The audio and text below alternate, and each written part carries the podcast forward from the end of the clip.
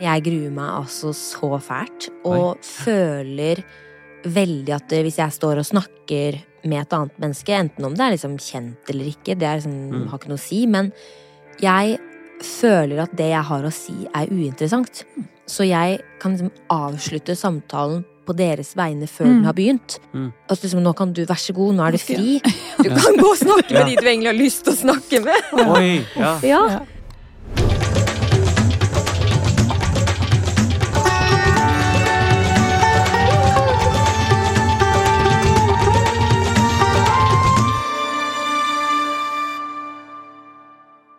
Hei, jeg heter Abid Raja. Og jeg heter Nadia Ansar. Du, Nadia.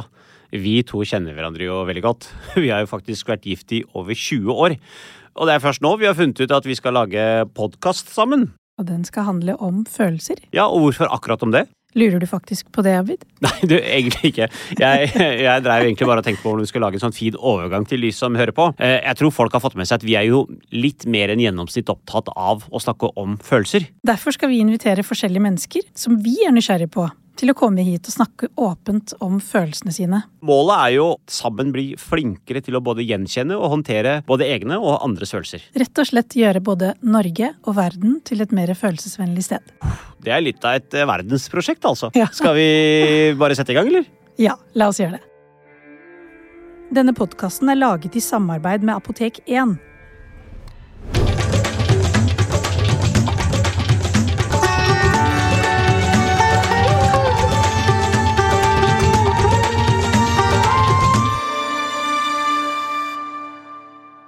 Hei, hei, Nadia. Hei, Abid. Du, vi har eh, faktisk kjøpt en julegave til oss selv. Ja, Ja. mm, det Mhm. har vi. Hva har vi? Eh, Etter eh, 20 år 22.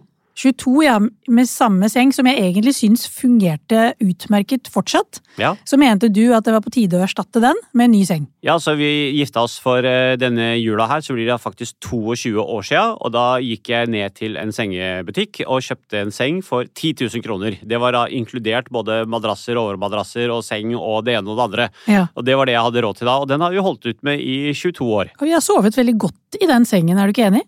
Egentlig så har vi det, før vi nå kjøpte en ny seng, som kosta vesentlig mer enn det. Men eh, eh, både min rygglege eh, har sagt at nå trenger du en ny seng, så den er både litt breiere og litt lengre. Ja.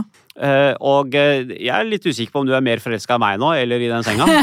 den er faktisk veldig deilig. Ja. Jeg må si det. Altså, det, er, det er sånn at jeg er på vei til jobb, og så gleder jeg meg til å legge meg inn i den senga bare for å falle inn i den dype, deilige søvnen igjen. Det er nesten så jeg ikke har lyst til å sove, fordi det er så deilig å bare kjenne den eh, komforten da, som den sengen gir. ja, og jeg kjøpte jo den eh, senga i håp om at det skulle være all inclusive, men eh, jeg har Ja. jo blitt fortalt av deg at ja. du, eh, jeg er ikke all inclusive. Så eh, altså Ja, men jeg er ikke det. Ja, Jeg er ikke buffé som du kan forsyne så mye du vil av. Ja, altså, jeg mener, hva, liksom, hva var poenget med å kjøpe den senga? Da lurer jeg på, ass.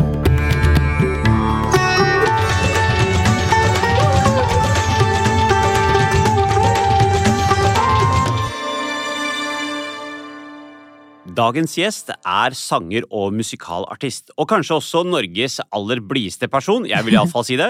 Vi så henne for første gang i Idol i 2013, og siden da har hun eh, ja, tatt norsk offentlighet med storm. Hun har vært med i Stjernekamp, vunnet Melodi Grand Prix, spilt Sofie i Mamma Mia, deltatt i Kompani Lauritzen, hatt konserter rundt om i hele Norge, og ikke minst sist ut i Skal vi danse. Har du egentlig tid til å være gjest her, eh, Ulrikke Brandstorp? Mellom jeg, jeg tenker at alltid man har tid til det man har lyst til å ha tid til. Ja, Og dette hadde jeg lyst til å ha tid til, så da hadde jeg tid. Men ja, det går litt unna, men jeg liker at det går unna. Da får jeg ro. Jeg stresser hvis det er rolig. ja. Ja, og det, og da er det jo veldig bra at du har jo solgt ut alle julekonsertene også. Nesten. Ja, nesten, så det er fortsatt igjen. noen å komme seg på, men jeg koser meg altså så glugg. Og det som årets høydepunkt er å reise rundt og synge julen inn. Jeg preker en del òg. Jeg sier jo at jeg er ute og serpifiserer Norge. så de er ofte litt sånn Hva betyr det? Nei, altså jeg, Da er det liksom, drar jeg fram østfoldingen i meg, og så er jeg jo ikke sånn veldig religiøs av meg. Men jeg har jo kirkekonserter. Men jeg prater jo om mens og G-streng, og det går altså sånn I ja, kirken? Ja da, så jeg lurer alltid på om jeg får komme tilbake neste år, på en måte. Jeg må komme meg til sånn julekonsert. Ja. Det høres jo veldig gøy ut. Det er litt, det er litt annerledes julekonsert, vil jeg si. Så, men veldig gøy.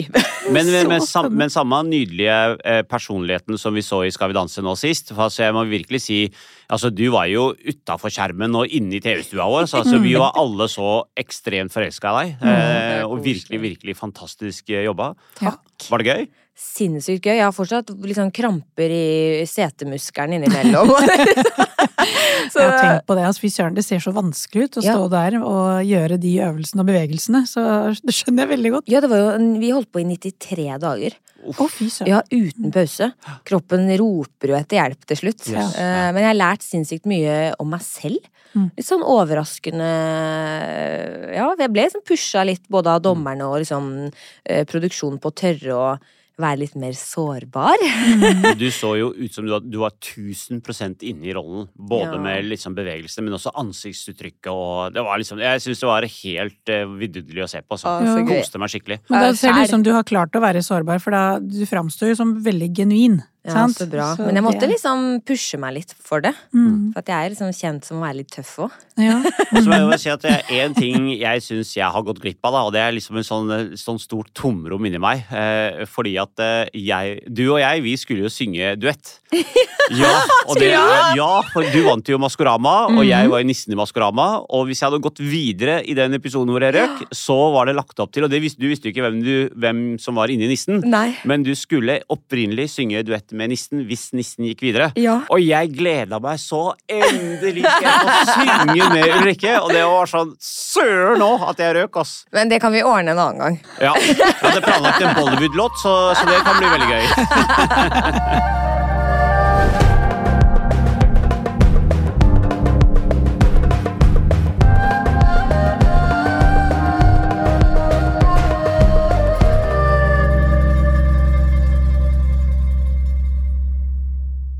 Du, Vi pleier å ha et åpningsspørsmål til alle gjester, og det er eh, Er du et følelsesmenneske? Ja. Kanskje ifølge min Oskar litt for mye. Nei, Oskar kjæresten din? ja, Oskar er han jeg bor med og skal forhåpentligvis dele resten av livet med, hvis han holder ut. jeg vil nok absolutt si at jeg er et følelsesmenneske. Um, og litt sånn Jeg gråter veldig lett. Uh, og syns jeg, jeg, Men jeg har alltid tenkt at liksom, det er en sånn kunstnersjel. At fordi jeg driver med å på en måte skulle formidle følelser i enten musikk eller liksom skuespill, så har jeg alltid tenkt at liksom, jeg må ha følelsene veldig sånn utapå kroppen for å få lett liksom kontakt med de, da. For at man ikke bare skal stå og synge en sang uten å mene det, men helst virkelig liksom mene det, da. Så det er mye følelser i denne heimen. Du, du er ikke bare følelsesmenneske, men du er veldig genuin, ikke sant? Så du er veldig sånn Det er lett å skjønne øh, hvor man har Ulrikke. ja. Så det er ikke vanskelig å lese Ulrikke. På en måte Det du er utapå, er det du er inni, egentlig. Så, Ja. så det virker som du har et veldig sånn nært forhold til følelsene. Mm, ja, Eh. både positivt og negativt. Eller sånn, Ja. ja. når følelsene er gode, men også ikke så fine, da. Mm. Det vil jeg nok tro. Ja, det kan jo by på en del utfordringer, sant. For det er jo ikke Hvis man har et nært forhold til følelsene, så er man jo både mye kontakt, det vil si at man er ganske sensitiv. Eh, og så hvis man skal bruke det som kunstner, så betyr det jo egentlig at man må være ganske komfortabel med å være sårbar. Mm. Hvordan er det for deg? Ja, så både og. Jeg tror jeg liker å være sårbar når jeg har kontroll. Mm. Eh, og det var kanskje litt sånn for eksempel i en Skal vi danse-setting, hvor eh, man sitter jo og snakker masse foran kamera, og så er det jo ikke jeg som har kontroll på hvordan det klippes. Mm. Og det gjør at jeg er veldig sånn bevisst over hva jeg sier, bevisst over hva jeg gjør, fordi jeg er, jeg er en veldig overtenker. Så jeg er veldig redd for å øh, skulle gå da en hel uke og tenke shit, hvordan framstår jeg nå Mm. med det jeg har sagt? Mm. Vil folk misforstå hva jeg egentlig mener? Og i den grad man er bevisst over hvordan man fremstår, eh, hvordan ønsker Ulrikke å fremstå? Jeg er liksom livredd for å bli oppfatta øh, liksom, ikke hyggelig. Jøss. Men er det, er det en jeg ville ha tenkt eh, ikke er ikke, altså, ikke, du, altså du er ikke i den kategorien, ville jeg tenkt at hun er ikke hyggelig. Jeg tenker Hvis du hadde sendt meg en sånn sur melding, da, eh, og så hadde jeg tenkt at hun er ganske blid. For eksempel bare hvis jeg eh, har bestilt mat fra Volt, da, og ikke den kommer fram, og man skal skrive til den som sitter og liksom Mhm. chatter, så er det sånn Hei, hei! Uh, gledet meg veldig til mat, ja! Smiley, smiley. Smiley, smiley. Den kom dessverre ikke fram. Kanskje du kan løse dette? Så, og hvis det var ikke så hyggelig tilbake, så liksom blir jeg sånn, jeg har egentlig lyst til å liksom bare sette det på plass. Ikke? Skjønner du? Men ja. så blir jeg sånn Å nei, guri, tenk om ryktene nå sprer seg at Mm. hun eller ikke. Forferdelig menneske. Ja. Så det, det er nok liksom noe jeg øhm, tenker veldig mye på i Mm. livet og hverdagen. Og etter julekonserten min, for eksempel, så er jeg veldig opptatt av å Ja. Selv om jeg kanskje er liksom noen ganger litt sliten, da. Mm, klart det. For det er krever jo mye å holde en Absolutt, konsert ja. og reise og sånne ting. ting. gi mye energi. Ja, så er jeg sånn Jeg tar meg alltid tid til å hilse på folk etterpå. Jøss. eh, Det er uvanlig. bilder. Ja, men jeg er så redd for at liksom Og så så setter jeg pris på det, da. Ikke sant? Mm. Folk har betalt penger og tatt seg tid til å komme. Mm. Men nå er jeg liksom redd for å eh, Skuffe fans. dem, ja. At Altså, de vil tenke at du er overlegen, eller at Ja. du ikke bryr deg, på en måte. Ja. Så du er veldig sånn eh, Du vil levere kvalitet og service. Du vil ikke ta andre mennesker som en selvfølge. Mm. Du vil vise med hele deg at du er takknemlig for Ja. at de har tatt ut tiden. Så det er jo også noe veldig sånn Det er noe veldig varmt og Altså, jeg kan kjenne at jeg liksom jeg, Ja, det er sånn jeg kjenner deg òg, da. Eller sånn Du framstår som en som virkelig bryr deg Ja, om andre og ikke tar det som selvfølge. Ja, En ydmyk eh, Ja, det person. det. Jeg har sagt at hvis jeg noen gang letter fra den bakken, så får de rundt meg røske meg ned igjen. Ja, for det er viktig for deg, at du ikke skal tro du er noe. Ja. Mm. ja.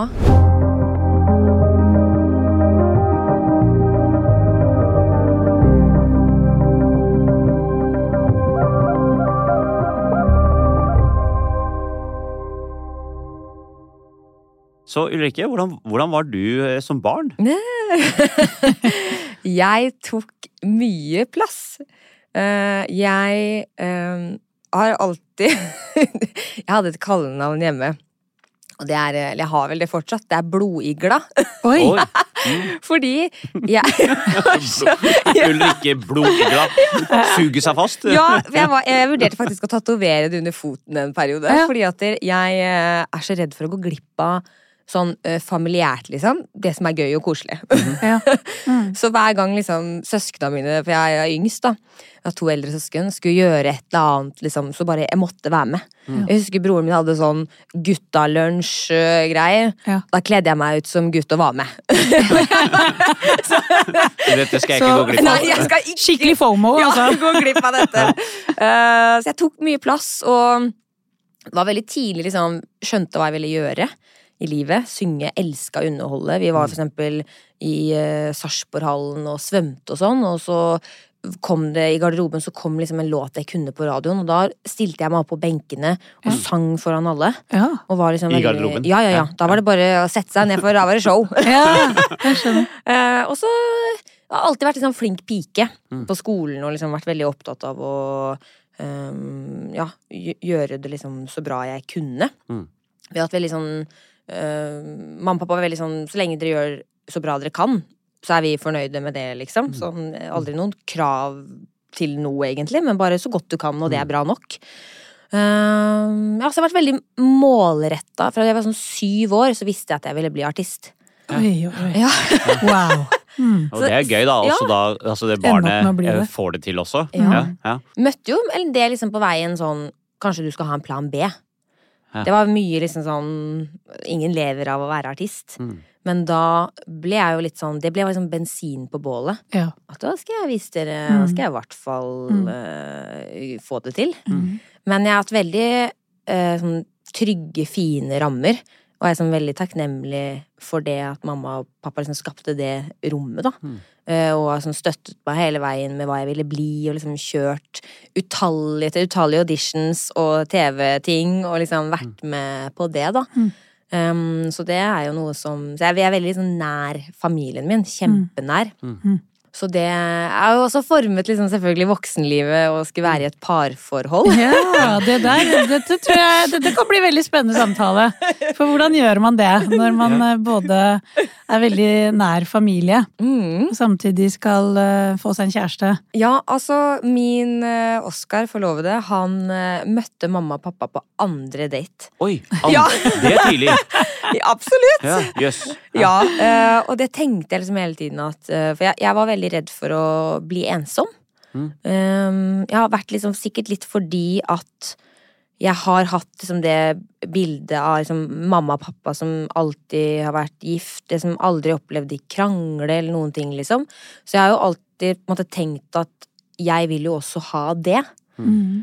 Og liksom, mamma, pappa møtte, mamma møtte pappa da hun var 16 år, og liksom sånn, når jeg liksom ble 20 år og ikke hadde liksom funnet meg, så blir man det. Kanskje bare noe for at jeg har liksom drømt om det hele livet, da. Mm. Så tenkte jeg liksom, begynte jeg å kjenne på, og litt kanskje ekstra fordi at jeg hadde vært så tett med mamma og pappa, og så flyttet jeg til Oslo og bodde aleine, og så er det noe med den man er og synger foran flere tusen Ja. mennesker. Det er helt vilt trøkk. Mm. Og så kommer man hjem til en helt tom leilighet, Ja. og liksom ligger der aleine i senga, og det er mørkt, liksom. Ja. Så ble den kontrasten veldig stor. Mm. Så jeg liksom følte meg veldig ensom. Eh, selv om jeg kunne ringe liksom mamma og pappa, så er det ikke den Det er ikke det, Det mennesket. ikke- Det er ikke det samme, da. Mm. Så jeg ble sånn redd for sånn shit, tenk om jeg bare blir ensom. Ja. Tenk om jeg blir alene. Tenk om jeg ikke får oppleve For min største drøm i livet er å få barn. Mm. Eh, Og få familie. Mm. Eh, Jeg husker jeg liksom har alltid vært liksom så Tenkt at hvis jeg ikke kan få barn, hvis det er sånn tydelig Jeg dro jo til gynekolog kjempetidlig bare for å liksom se det ålreit ut. Og hvis det ikke gjør det, så vil jeg være forberedt på det så tidlig som mulig. da At jeg kanskje ikke kan få barn. Mm. Um, så den prosessen har liksom vært inni meg. Liksom, uh, så når jeg da først traff Oskar, Mm. så skjønte jeg på første date at dette er mannen i livet mitt. Ja. Jeg bare fikk en sånn, jeg kan, jeg fikk en sånn følelse at jeg kan fortelle deg alt. Mm. Alt det dypeste og hemmelige inni jeg meg, liksom, kan jeg fortelle deg. Og bare en sånn trygghet, da. Um, og da også skulle tenke liksom, ja, er du klar for uh, hele slekta? Og dere har vært sammen nå i Eh, tre, litt over tre ja, år. Ja. Ja. Så fra første date, som var uh, såpass bra at du tenkte nå er det på tide å treffe slekta. Ja. Og det gikk bra? Det gjorde det. Ja. Uh, og for at det var jo under covid Uh, vi møttes, Yes, og vi gikk Mm. tur med avstand og sånn først. Og liksom han hadde kokt kaffe på termos, og liksom sånn åh, Ok. jeg liker de enkle tingene i Mm. livet. Ja. Og så snakket vi fem timer og sånne ting, og så bare var jeg sånn, vi må bare bli en kohort. Mm. Og så skjønte jeg jo at han Det er sjekkereplikk, det. Vi må bli en kohort, vi. Ja, men jeg bare Jeg må kysse på deg, liksom. Bare, ja, dette er mannen min. Eh, og da bare ble vi jo liksom jeg, jeg skjønte jo Jeg er ikke noe god på sånn spill. Mm. Og ønsket jo heller ikke en mann som var liksom god, altså skulle være kul. Nei. Oscar var på en måte ikke kul. Ja. Rett frem, på en måte. Ja. Sånn som Mm. deg. På Ja, måte. ja. og da bare skjønte vi at der, enten fordi det er covid også, så må vi liksom bare enten gå for det eller ikke. Mm. Så vi bare jo ble jo en kohort, da. Ja. Mm. Og han kom opp, og da var det sånn at man fikk lov til å dra på hytta. Mm. Så jeg dro for å skrive julealbum på hytta. Mm. Og da kom Oskar opp og møtte mamma og pappa. Og da, er liksom, da hadde han jo ikke noe sted å rømme heller, på en måte. Ja. Mm. Hvis tenk om det gikk skikkelig dårlig. Mm. Eh, Men det var bare eh, Du, dette her, dette her har jeg, nå har jeg jo veldig lyst til å gå og liksom bore, bore ordentlig inn i dette her, for dette er så spennende og gøy da, å høre om. For det er jo et eller annet du sier ikke sant, om at familien er veldig viktig for meg. mm. Jeg har virkelig hatt noen erfaringer av å liksom kjenne på at de ikke er i umiddelbar nærhet når jeg trenger de. Som også er en sårbarhet. ikke sant? Å ha kjent på den der følelsen av hvordan det er å være alene. Mm. Og hvordan det også kan bli til en sånn frykt for å bli ensom, bli forlatt, bli alene. Eh, som er veldig menneskelig og veldig forståelig ut ifra det du forteller. da. Så at du har liksom noen ville ambisjoner som gjør at du må liksom virkelig presse deg for å nå de målene. Og samtidig så er det viktig for deg at når du kommer hjem, så har du de nære og kjære. Mm. Og det kan også snus opp ned ikke sant? og bli til en slags frykt. ikke sant? At vi på en måte går i hverdagen og på en eller annen måte mister litt fokus her og nå. Litt sånn som du sa, for jeg bet merke i at du sa jeg er en grubler. ikke sant? Mm. Og det som ofte skjer da, er at man på en måte får et litt sånn fremtidsfokus. Og så lager man seg scener og scenarioer som vi egentlig vet ikke er helt sannsynlig, hvis man tenker høyt på det. Men som bare blir en sånn eh, frykt, da. Eh, At vi kan kanskje se for oss at i framtiden så kan det og det skjer. Eh, jeg- Jeg kan på en måte kjenne på et eller annet emosjonelt ubehag, og så står jeg der plutselig helt alene. Eh, Eller man kan også bli sånn redd for å bli forlatt, da. Mm. Noen ganger, da, og det er bare en antakelse, men jeg slenger den ut, så er det jo sånn at hvis vi går rundt og er egentlig overbevist innerst inne om at ingen kommer til å akseptere eller elske meg for den jeg er, eller jeg er egentlig litt for mye, sånn som du sier, ikke sant? Mm. Så kan man noen ganger også Uh, utfordre uh, de relasjonene man er i, så mye, altså pushe de så hardt, at du ender opp med å få bekrefta det du frykta. Mm. Gir det mening? Så for Ja. meg så bare høres det ut som dette her med Dette Men bare for å hjelpe deg, hjelpe litt sånn at du skjønner hva jeg mener. Så, altså det å liksom pushe på andre date, din kommende mann, til å møte slekta Det er jo egentlig som å si at jeg, jeg vil Altså det er jo eh, virkelig å be om bråk, da. Det er jo veldig stor sjanse du tar, ikke sant? Så, men gir det mening litt sånn at det kanskje er litt sånn Absolutt. Ja. Og jeg testet nok Oscar uh, på mange plan. Det tok liksom ganske lang tid før jeg på en måte uh, forsto og godtok at han ikke kom til å forsvinne. Ja. Ja. Uh, at han faktisk kom til å bli Og når ting er liksom tøft og vanskelig, og litt sånn også kanskje fordi at jeg driver med det jeg gjør, er en offentlig person, så er det jo veldig lett at folk er der når ting er gøy. Mm. Mens når det ikke Ja. skjer noe, eller sånne ting, at um, man hører mindre fra folk, da, ikke sant? At man Mm. blir liksom var på Absolutt. å beskytte seg liksom mot å bli såra, da. Ja. Så jeg var jo veldig redd for, fordi jeg drømte så veldig om eh, mann og barn og det Mm. livet, og hun og så, ja. Mm. så var jeg så redd for å bli såra at jeg pusha jo Oskar liksom veldig unna. Mm. Og testet liksom veldig Kan jeg stole på deg? Ja. Mm. Kommer du til Kommer han til å forsyne? Ja. ja. Hvor liksom tøft Hvor mye kan jeg pushe han før Ja. han uh, gir seg? Og heldigvis da, så er jo Oskar en sta bergenser. så, så det har liksom vært en prosess, liksom, også fordi vi har veldig ulikt kjærlighetsspråk. Mm.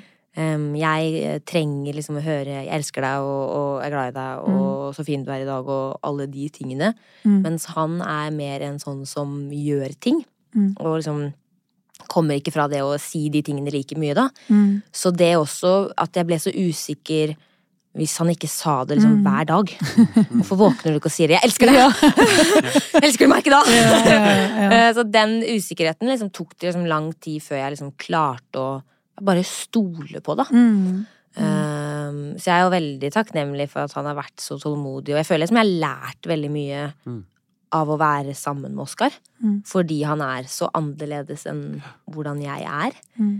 Eh, og så var jeg som eh, Et eksempel som jeg liksom husker så godt, det var, da, det var det tror jeg da jeg skjønte For først så skjønte jeg nok kanskje ikke at jeg pusha han. Mm. Eh, men da gikk det så veldig opp for meg, fordi at det, det var nærma seg 17. mai. Ja. Da hadde vi ikke vært sammen så lenge, men vi ble jo sammen etter to uker. Da var vi kjærester. så det var jo var det en en rask prosess. Og dere flytta inn, eller han Ja, ja, inn veldig kort tid etter, Ja, så vi var, vi var sammen siden første date, på en måte. Ja. Ja. Eh, og um, så nærmet det seg 17. mai, og han hadde planer, han skulle til Bergen og være der. Og så sa jeg liksom å, skal vi ikke være sammen på første 17. mai, og å, det hadde jeg gledet meg til, og Mm. Og så sa han nei, jeg skal til Bergen, liksom. Det er det jeg har lyst til Ja. og skal. Ja. Og, og så ble jeg veldig glad inni meg når han sa nei, jeg skal ikke være med deg. Fordi Da har han et eget liv. på en Eh, ja. måte. Og han klarte å liksom stå i de valgene han hadde tatt. Mm. Så selv om jeg liksom ble liksom sur mot han, Ja. så var jeg glad inni meg. Men jeg klarte liksom ikke å innrømme det. At så bra at du skal det og ikke skal være med meg. Ja. Eh, så det var en sånn rar liksom Da gikk det opp bare. følelse, Ja, på en måte. at liksom shit. Jeg vil jo ikke at du skal si 'jeg dropper alt og er med deg'. Det er jo Mm. ikke det jeg vil. Og samtidig så er du litt sur på ham. Ja! Og da er jeg sånn tenk, Jeg er gæren, tenkte jeg.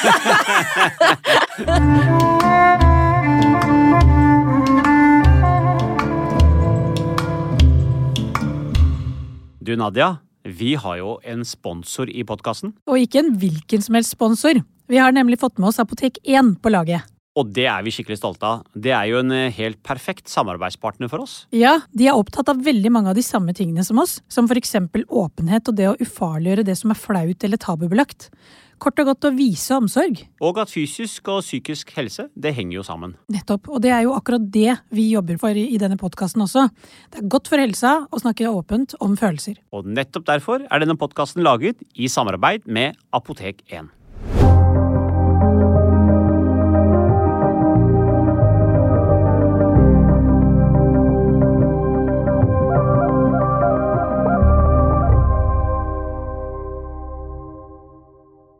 Den usikkerheten og frykten, hvis du er liksom innerst inne redd for at ingen kan tåle deg eh, sånn som du er, eller akseptere deg fordi eh, jeg er for mye, eller eh, frykten for å ikke klare å få den familien, eller eh, at, at den Hvis den er veldig gjeldende på innsiden, Mm. så vil man gjerne teste den ut, ikke sant? Så jeg hører i hvert fall når du sier dette med at jeg blir sur på han, at du fortsatt driver og liksom leker med hvor mye kan jeg pushe han før han forlater meg? Mm. Og kanskje er det det som vinner det sterkeste loddet på innsiden, da, fordi den frykten er, tar ganske mye plass. Mm. Eh, og, så det, og så tester du han, selv om du egentlig er glad for at han ikke gir etter. Men så tester du likevel. Kan Ja. jeg virkelig stole på at han er der fortsatt? på en Mm. måte? At den er egentlig drevet av en sånn grunnleggende usikkerhet eller frykt. da. Mm. Eh, Kan jeg være trygg på deg? Kan jeg stole på at du er der? Kan jeg stole på at du tåler meg? At du aksepterer meg, eller liker kraften min, at jeg er Mm. mye, og alt det der, da. Mm. Det kommer også fra et litt sånn sårbart sted, på en måte. Absolutt. Mm. Og spesielt da med tanke på hva jeg gjør sånn At jeg har vært redd for liksom, hva om det blir noen stormer man må stå i, da. Både offentlig og ting og tang og liksom Hvordan takler du det? Ja.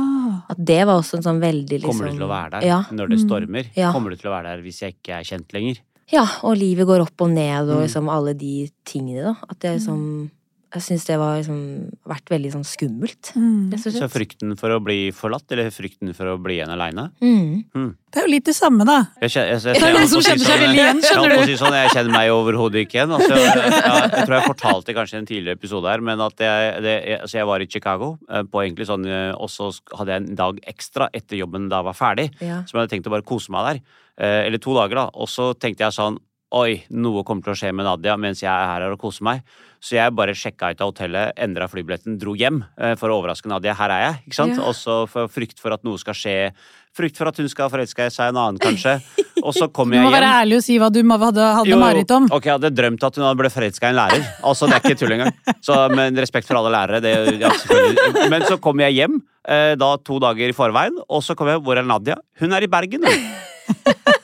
Så jeg kjenner meg litt igjen i den, Ja. selv om det er, det er jo egentlig helt urealistisk. Nå har jeg vært sammen med Nadia i 27 år, vi har vært snart gift i 22. Men, men jeg kan fremdeles kjenne på den frykten over å bli igjen ensom aleine, og at Nadia ikke er der. Det, og jeg Og kan, kan drømme, drømme om at hun har eh, forelska seg i en lærer. Det, Jo, for det er det jeg skulle si, da. er det, er eh, det, kjenner du deg litt igjen, eller er det litt annerledes? Eh, ja. Altså, jeg skal si at det, det er liksom fint og vondt å høre at det kan være sånn etter så mange år! det går ikke 22 år? over. aldri til å gå over! Du kommer til å være redd hele livet, ikke? Nei men jeg uh, Jeg kjenner meg veldig igjen, fordi um, da jeg spilte inn Bakemesterskapet, som kommer på TV, jeg er programleder der, så bodde jeg i Bergen i fem uker og jobba helt ekstremt mye, og hadde mareritt, våkna at Oskar hadde vært utro. Og våkna og var kvalm, liksom. Mm. Og da må jeg ringe han og liksom bare sånn Er vi fortsatt sammen nå? Bare sånn, ja, så jeg jo, kjenner meg veldig igjen. Og det interessante her er at det er veldig likt mønster, for det er du som er opptatt. Mm, Og så er det du som blir redd for å bli forlatt. Ja. Og sånn er det med Abid også. Det er han som egentlig drar, og så er det han som blir redd for å Ja, det er bli veldig forlatt. rart. Ofte så hører man jo om at liksom det kommer av eh, De følelsene man har som voksen, kommer av noe man har opplevd som barn. Mhm.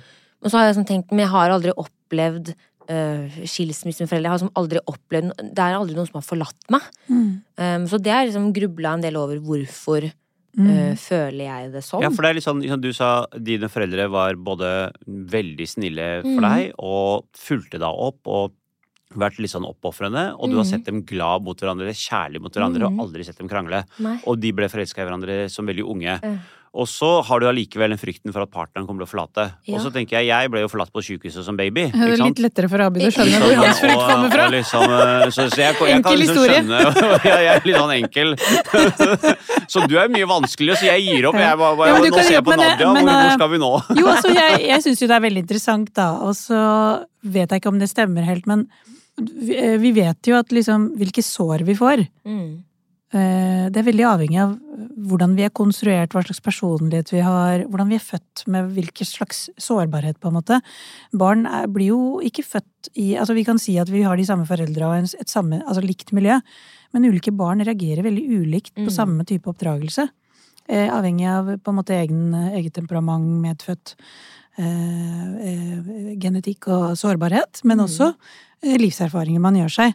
Og det er ganske vanskelig å nøste opp i gamle livserfaringer, ikke sant? Og det er særlig de første leveårene hvor veldig mye av personligheten blir formet. Mm. Så, men jeg blir jo litt nysgjerrig på den lille jenta du sier, ikke sant? For det er sånn, det er et hjem med mye kjærlighet, eh, mye varme, foreldrene som er der.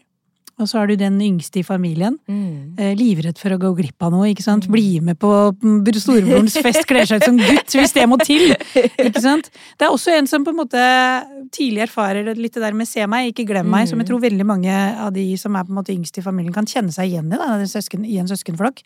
Jeg er her, jeg også, på en måte. Mm. Så jeg aner ikke, men det kan være noe sånt.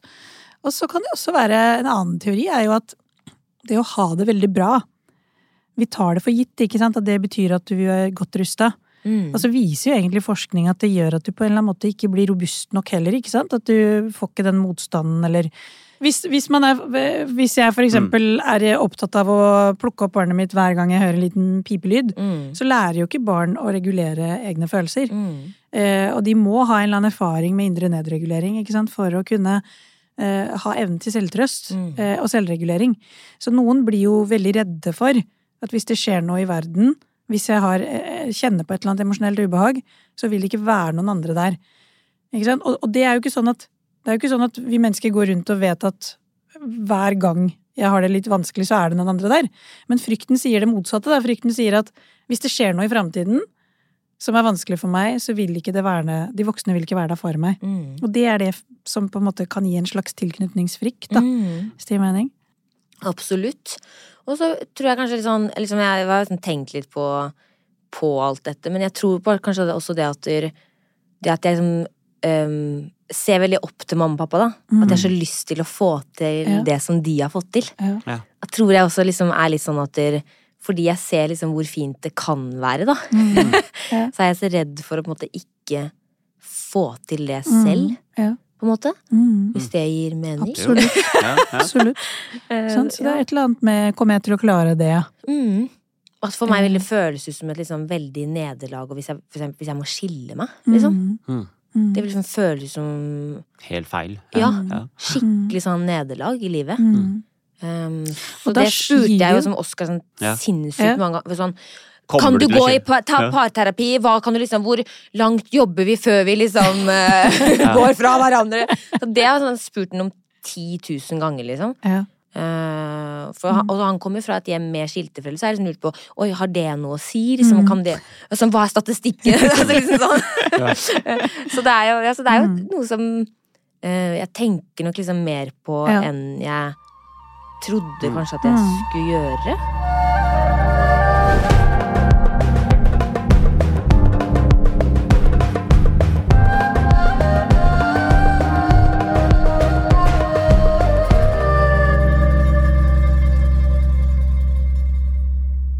Nå er det jo tre år inn i det forholdet, Mm. uh, og nå vet jo vi sitter her og er 27 år inn i det forholdet, og, og, og en av oss er veldig trygg. Det, er- det er hun også.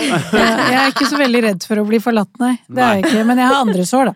Ja, og jeg tenker, jeg går jeg tenker ikke over det hver dag, men, men det, det kommer fra tid til annen. Mm. Så, så um, hvis hun er litt syk, for eksempel, så kan jeg få litt sånn tanker om at eh, tenk om det er noe alvorlig som har rammet Mm. henne. Tenk om det er noe som er dødelig. Tenk om det er, ikke sant? Eh, Og da kan jeg liksom tenke tanken helt ut.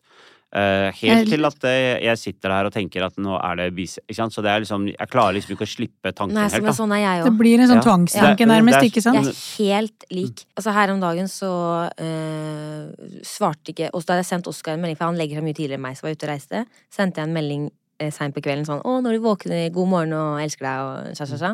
Og så fikk jeg ikke noe svar. Og så sendte jeg for noe annet, og så fikk jeg ikke noe svar. Og så var det noe annet jeg måtte, for jeg måtte spørre om noen greier. Og så fikk jeg ikke noe svar utover dagen. tenkte jeg, nå ligger han hjemme i senga og er død. Nå får jeg ikke tak på han. Mm. Ikke sant? Jeg, med en gang liksom bare Mm. Og ser for meg og styrer og ordner og lager et scenario i hodet. Mm. Og så ringer han jo etter hvert liksom Nei, ladekabelen har gått stykker, så jeg hadde ikke strøm på telefonen, liksom. Skjønner Ja, du? Og da har jo jeg allerede vært liksom på I bisettelsene. bisettelsen. Yes. Ja. Ja. Det er jo Fy faen, Ulrikke. Er Dere to er kjælevenner, altså. Har virkelig funnet deg en kjælevenn, Abid. ja, ja, men det som er litt rart, vi har jo totalt forskjellige oppdragelser. Ja. Ikke sant? Hun så flott og Mm. elsker sine foreldre, og jeg er liksom litt på den andre motsatte enden. Og du er jo hvit nordisk kvinne, Ja. jeg med min innvandrerforeldre og pakistansk Ja. opphav. Og så har vi, går vi rundt Ja. og har nærmest det samme Mm. sårene. Det er helt nydelig, Det er ikke sant? helt utrolig. Det er vakkert. Jeg syns det er veldig flott, da, fordi det, det er akkurat det Ja, det er ikke så jo, men, for jo, jo, jo. Men, men altså, det, jeg, synes, jeg blir veldig fascinert av det som Mm. fagperson, fordi dette her beviser nettopp hvorfor det ikke er en én-til-én sammenheng mellom det man erfarer som barn, Mm. og hvilke vansker man har som voksen. Og jeg syns det er veldig gøy, at det er jo det jeg på en måte har vært så opptatt av, dette med at hva er minner, minner av konstruktive prosesser? mm. Så litt sånn uavhengig av hva som har skjedd, så er det den konstruksjonen du lager på innsiden din. Mm. Altså din måte å kjenne igjen et mønster på der ute, som lager dine sår. Det er litt komplisert, men hvis noe skjer, da, for eksempel det med at han tar ikke opp telefonen, det blir en trigger for deg, ikke sant, Mm. og så setter det i gang et hav av prosesser på innsiden din. Det er en konstruksjon du lager. Jeg lager jo ikke samme type konstruksjon, derfor så blir ikke jeg engstelig eller redd, ikke sant, for at mannen min skal dø. ut. Men, eh, men jeg har mine andre, andre greier, da. Sånn? Men det, det, det, det syns jeg er så viktig, for det er den konstruksjonen det minner er en konstruktiv prosess. Mm. Det er en konstruksjon som virker på deg, og som lager dine emosjonelle sår. Det er derfor det er så viktig å bare eh, snakke om hva blir mitt sår, mer enn hvorfor det blir sånn. Mm. For hvorfor gjør at du forsvinner litt i hodet, og så er du på let etter et sånt svar med to streker under, eh, under på en måte, og så er det kanskje ikke så lett å finne ut av det. Mm. Det viktigste er at, å akseptere at sånn er jeg. Og hva Ja. kan jeg gjøre for å liksom prøve å liksom eh, Ja, altså gi aksept da, og klare å møte meg selv med anerkjennelse. For ja, jeg blir litt utrygg og redd nå. Det er ikke så rart, fordi det er viktig for meg. Og, Mm. Sånn som du har blitt ganske mye bedre på å liksom anerkjenne at sånn er jeg. Eh, Og jeg må snakke om det, jeg må ikke skamme meg over at jeg blir redd, for eksempel. Mm. For det har du gjort ganske lenge, ikke sant? Ja, Ja. Ja, absolutt. Altså, mm. så, så det er eh, Ja, altså, jeg, jeg hadde jo den traume faktisk bare noen nylig, for vi satt sammen, og så har Nadia fått litt sånn noe gulhet inni eh, håndflatene. Og så er det, sånn, det hun sa, var sånn Jeg veit ikke, jeg har ikke noe selvbryningskrem heller, men kanskje det er noe jeg har brukt som er blitt sånn gul. Så begynner jeg å tenke gulsott, gulfeber, noe med nyrer og alt mulig rart. Så Dette er det jeg- ferskeste. ja, Dette var fra det i går. dette er virkelig i går. Så da er jeg liksom på ok, nå har det skjedd noe, og nå er det et eller annet som er inni kroppen som gjør at hun kommer til å gulne og dø. Og, det, og da er jeg rett i bisettelsen, og hva, hvor, hvor, hvor, hvor plukker jeg opp livet deretter? Og så må jeg bare riste meg litt sånn sjøl. Liksom. Ja. Du, slutt med det tullet. Altså, hun Mm. sitter her og har det bra. Det, er, det, det går fint, liksom. Og, ok, våkne tilbake til virkeligheten igjen. Så det, det kommer innimellom. Mm. Sånne, Ja, men det er godt å høre. Ja. Og jeg er også litt sånn at hvis jeg først begynner å tenke på noe, Ja. og så tenker jeg at jeg må ikke tenke på det. Nei, så blir Da man jo bare Da blir det tvangstanke, ikke sant? Ja. Altså, men Da klarer du ikke å legge det bort. Jeg, men hvis jeg sier det høyt til Oskar, Ja! det hjelper. Det Mm. er trikset med alt her i verden. Trollet sprekker. Snakk om det! Ja. Snakk om det! Ja, For det, man skjønner ikke at det er irrasjonelt før man har sagt det høyt. Ja, da bare Å Det er da man hører hvor teit det høres Ja. ut som. Inni igjen så gir det veldig mening. ja. Og særlig hvis man må våkne midt på natta og har hatt et mareritt. Da skal man i hvert fall ikke Ja. tro på det som Så der man våkner opp, du er på konsert etter sted, julekonsert. Oskar, jeg drømte om at du har vært utro! ja. Nei, jeg, Jeg er hos mamma. Ja. Nei, men det er, det, er, det er ikke tull. Det er veldig viktig. For faktisk, altså sånn det, hvis jeg sier det høyt Ja. Noen ganger så er jeg sånn vi, Jeg føler ofte at når jeg sier sånne ting høyt, så sitter vi på kjøkkengulvet. eh, Jeg Ja. og Oskar. Åh, så koselig. og da sier jeg sånn, nå skal jeg si noe som er kjempeteit og rart, så må du bare høre på meg. Men da sier jeg også sånn, men så må du ikke synes jeg er så gæren at du går At du fra drar meg. fra meg. ja, Det er ikke tull! jeg må bare få Det er så mange lag på lag på lag med frykt, ikke sant? Så jeg har vel tenkt at jeg sikkert bør eh, snakke med noen, få noen verktøy. Men han har da taklet det fint, da. Altså, Kjempefint. så- Han ler litt av meg, Ja. og, så, og det, det er det jeg trenger. Mm. At sånn liksom Du er søt på din måte, Mm. og jeg elsker deg for det. Yes. Og så Og det er så nydelig å høre på, fordi du, er, du, er, du, er så, du har så god kontakt med din sårbarhet. mm, Og det er jo det som kanskje blir redningen òg, ikke sant? At du klarer å sette ord på det. Ja.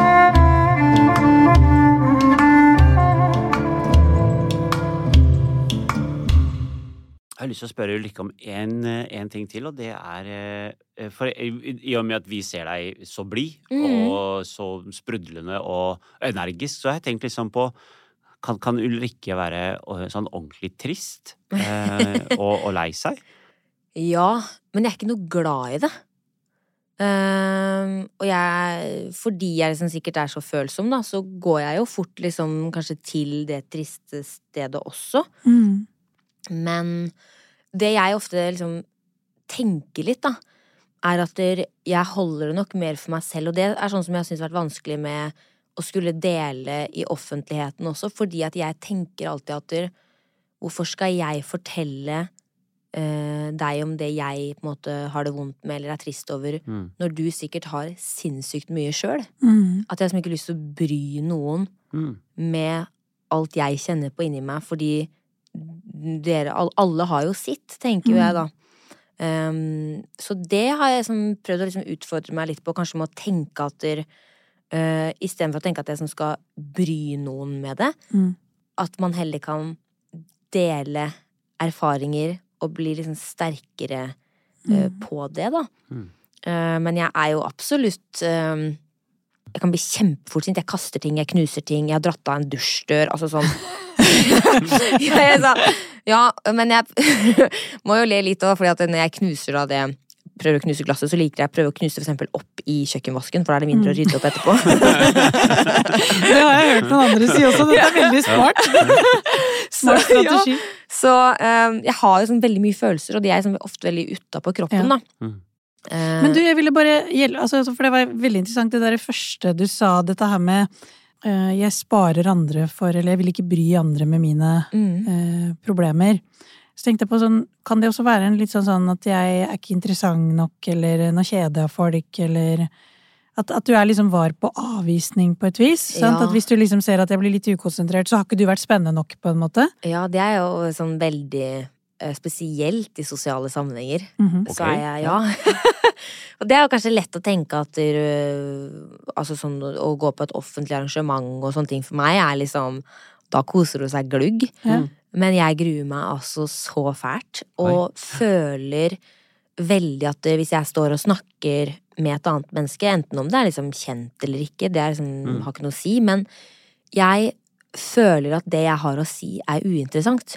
Så jeg kan liksom avslutte samtalen på deres vegne før den Mm. har begynt. Mm. Altså liksom, nå kan du, vær så god, nå er du fri. Du kan gå og snakke Ja. med de du egentlig har lyst til å snakke med. Oi, ja. Ja, Ja.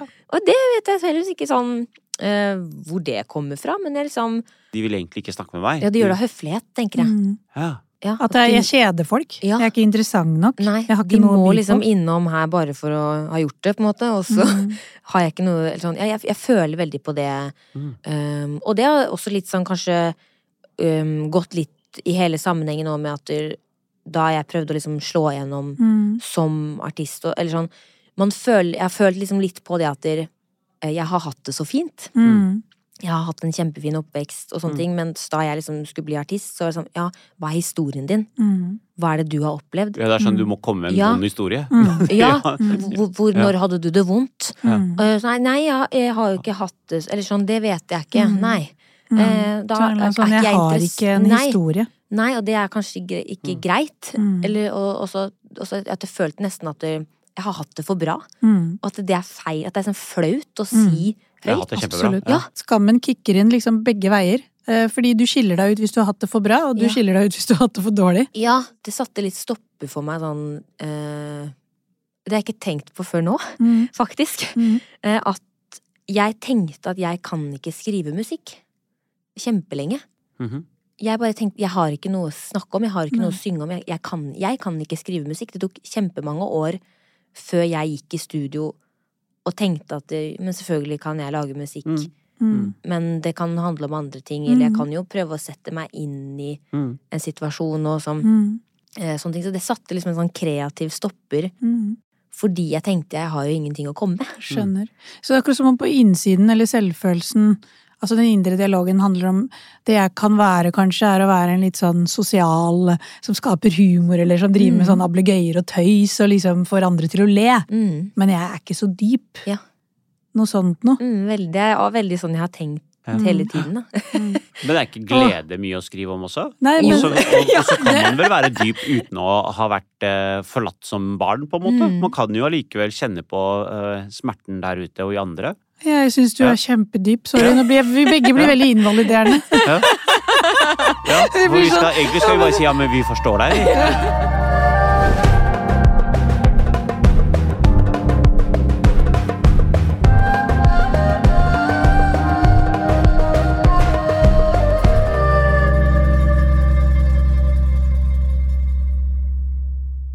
Nå er vi på vei mot slutten, men vi har et fast punkt. Eh, Rett foran deg ligger et kortstokk med veldig mange alternativer. Du skal da plukke et kort, og så er det spørsmål der som får du lese, og så får vi se om vi får et eh, spontant svar. Vær så god. Herlig.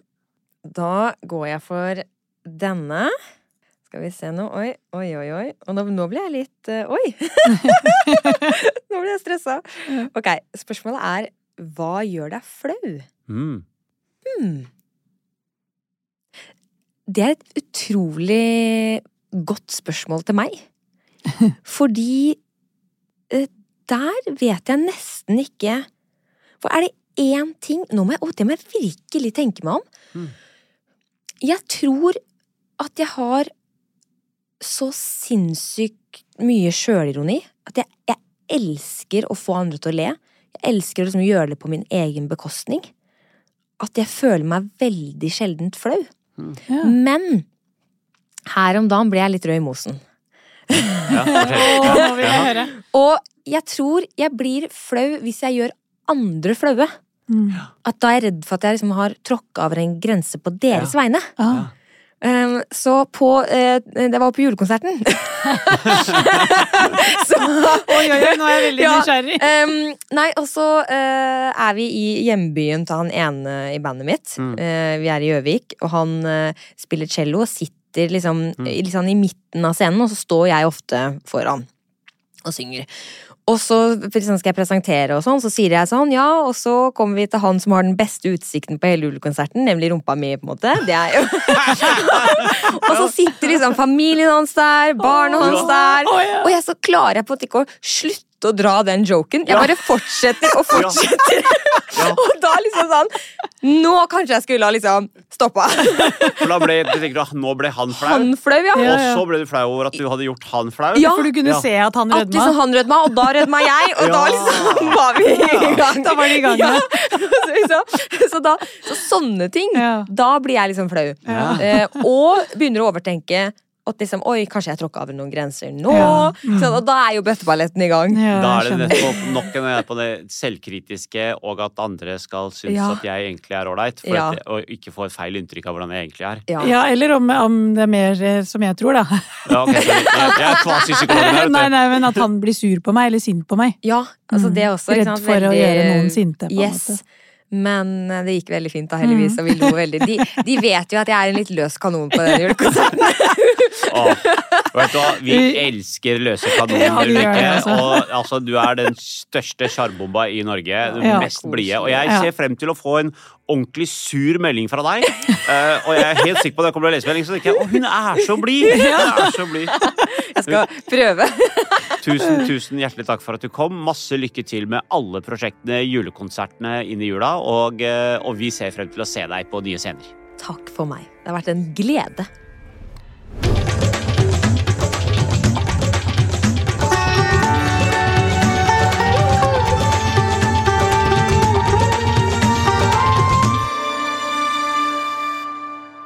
Apotek 1.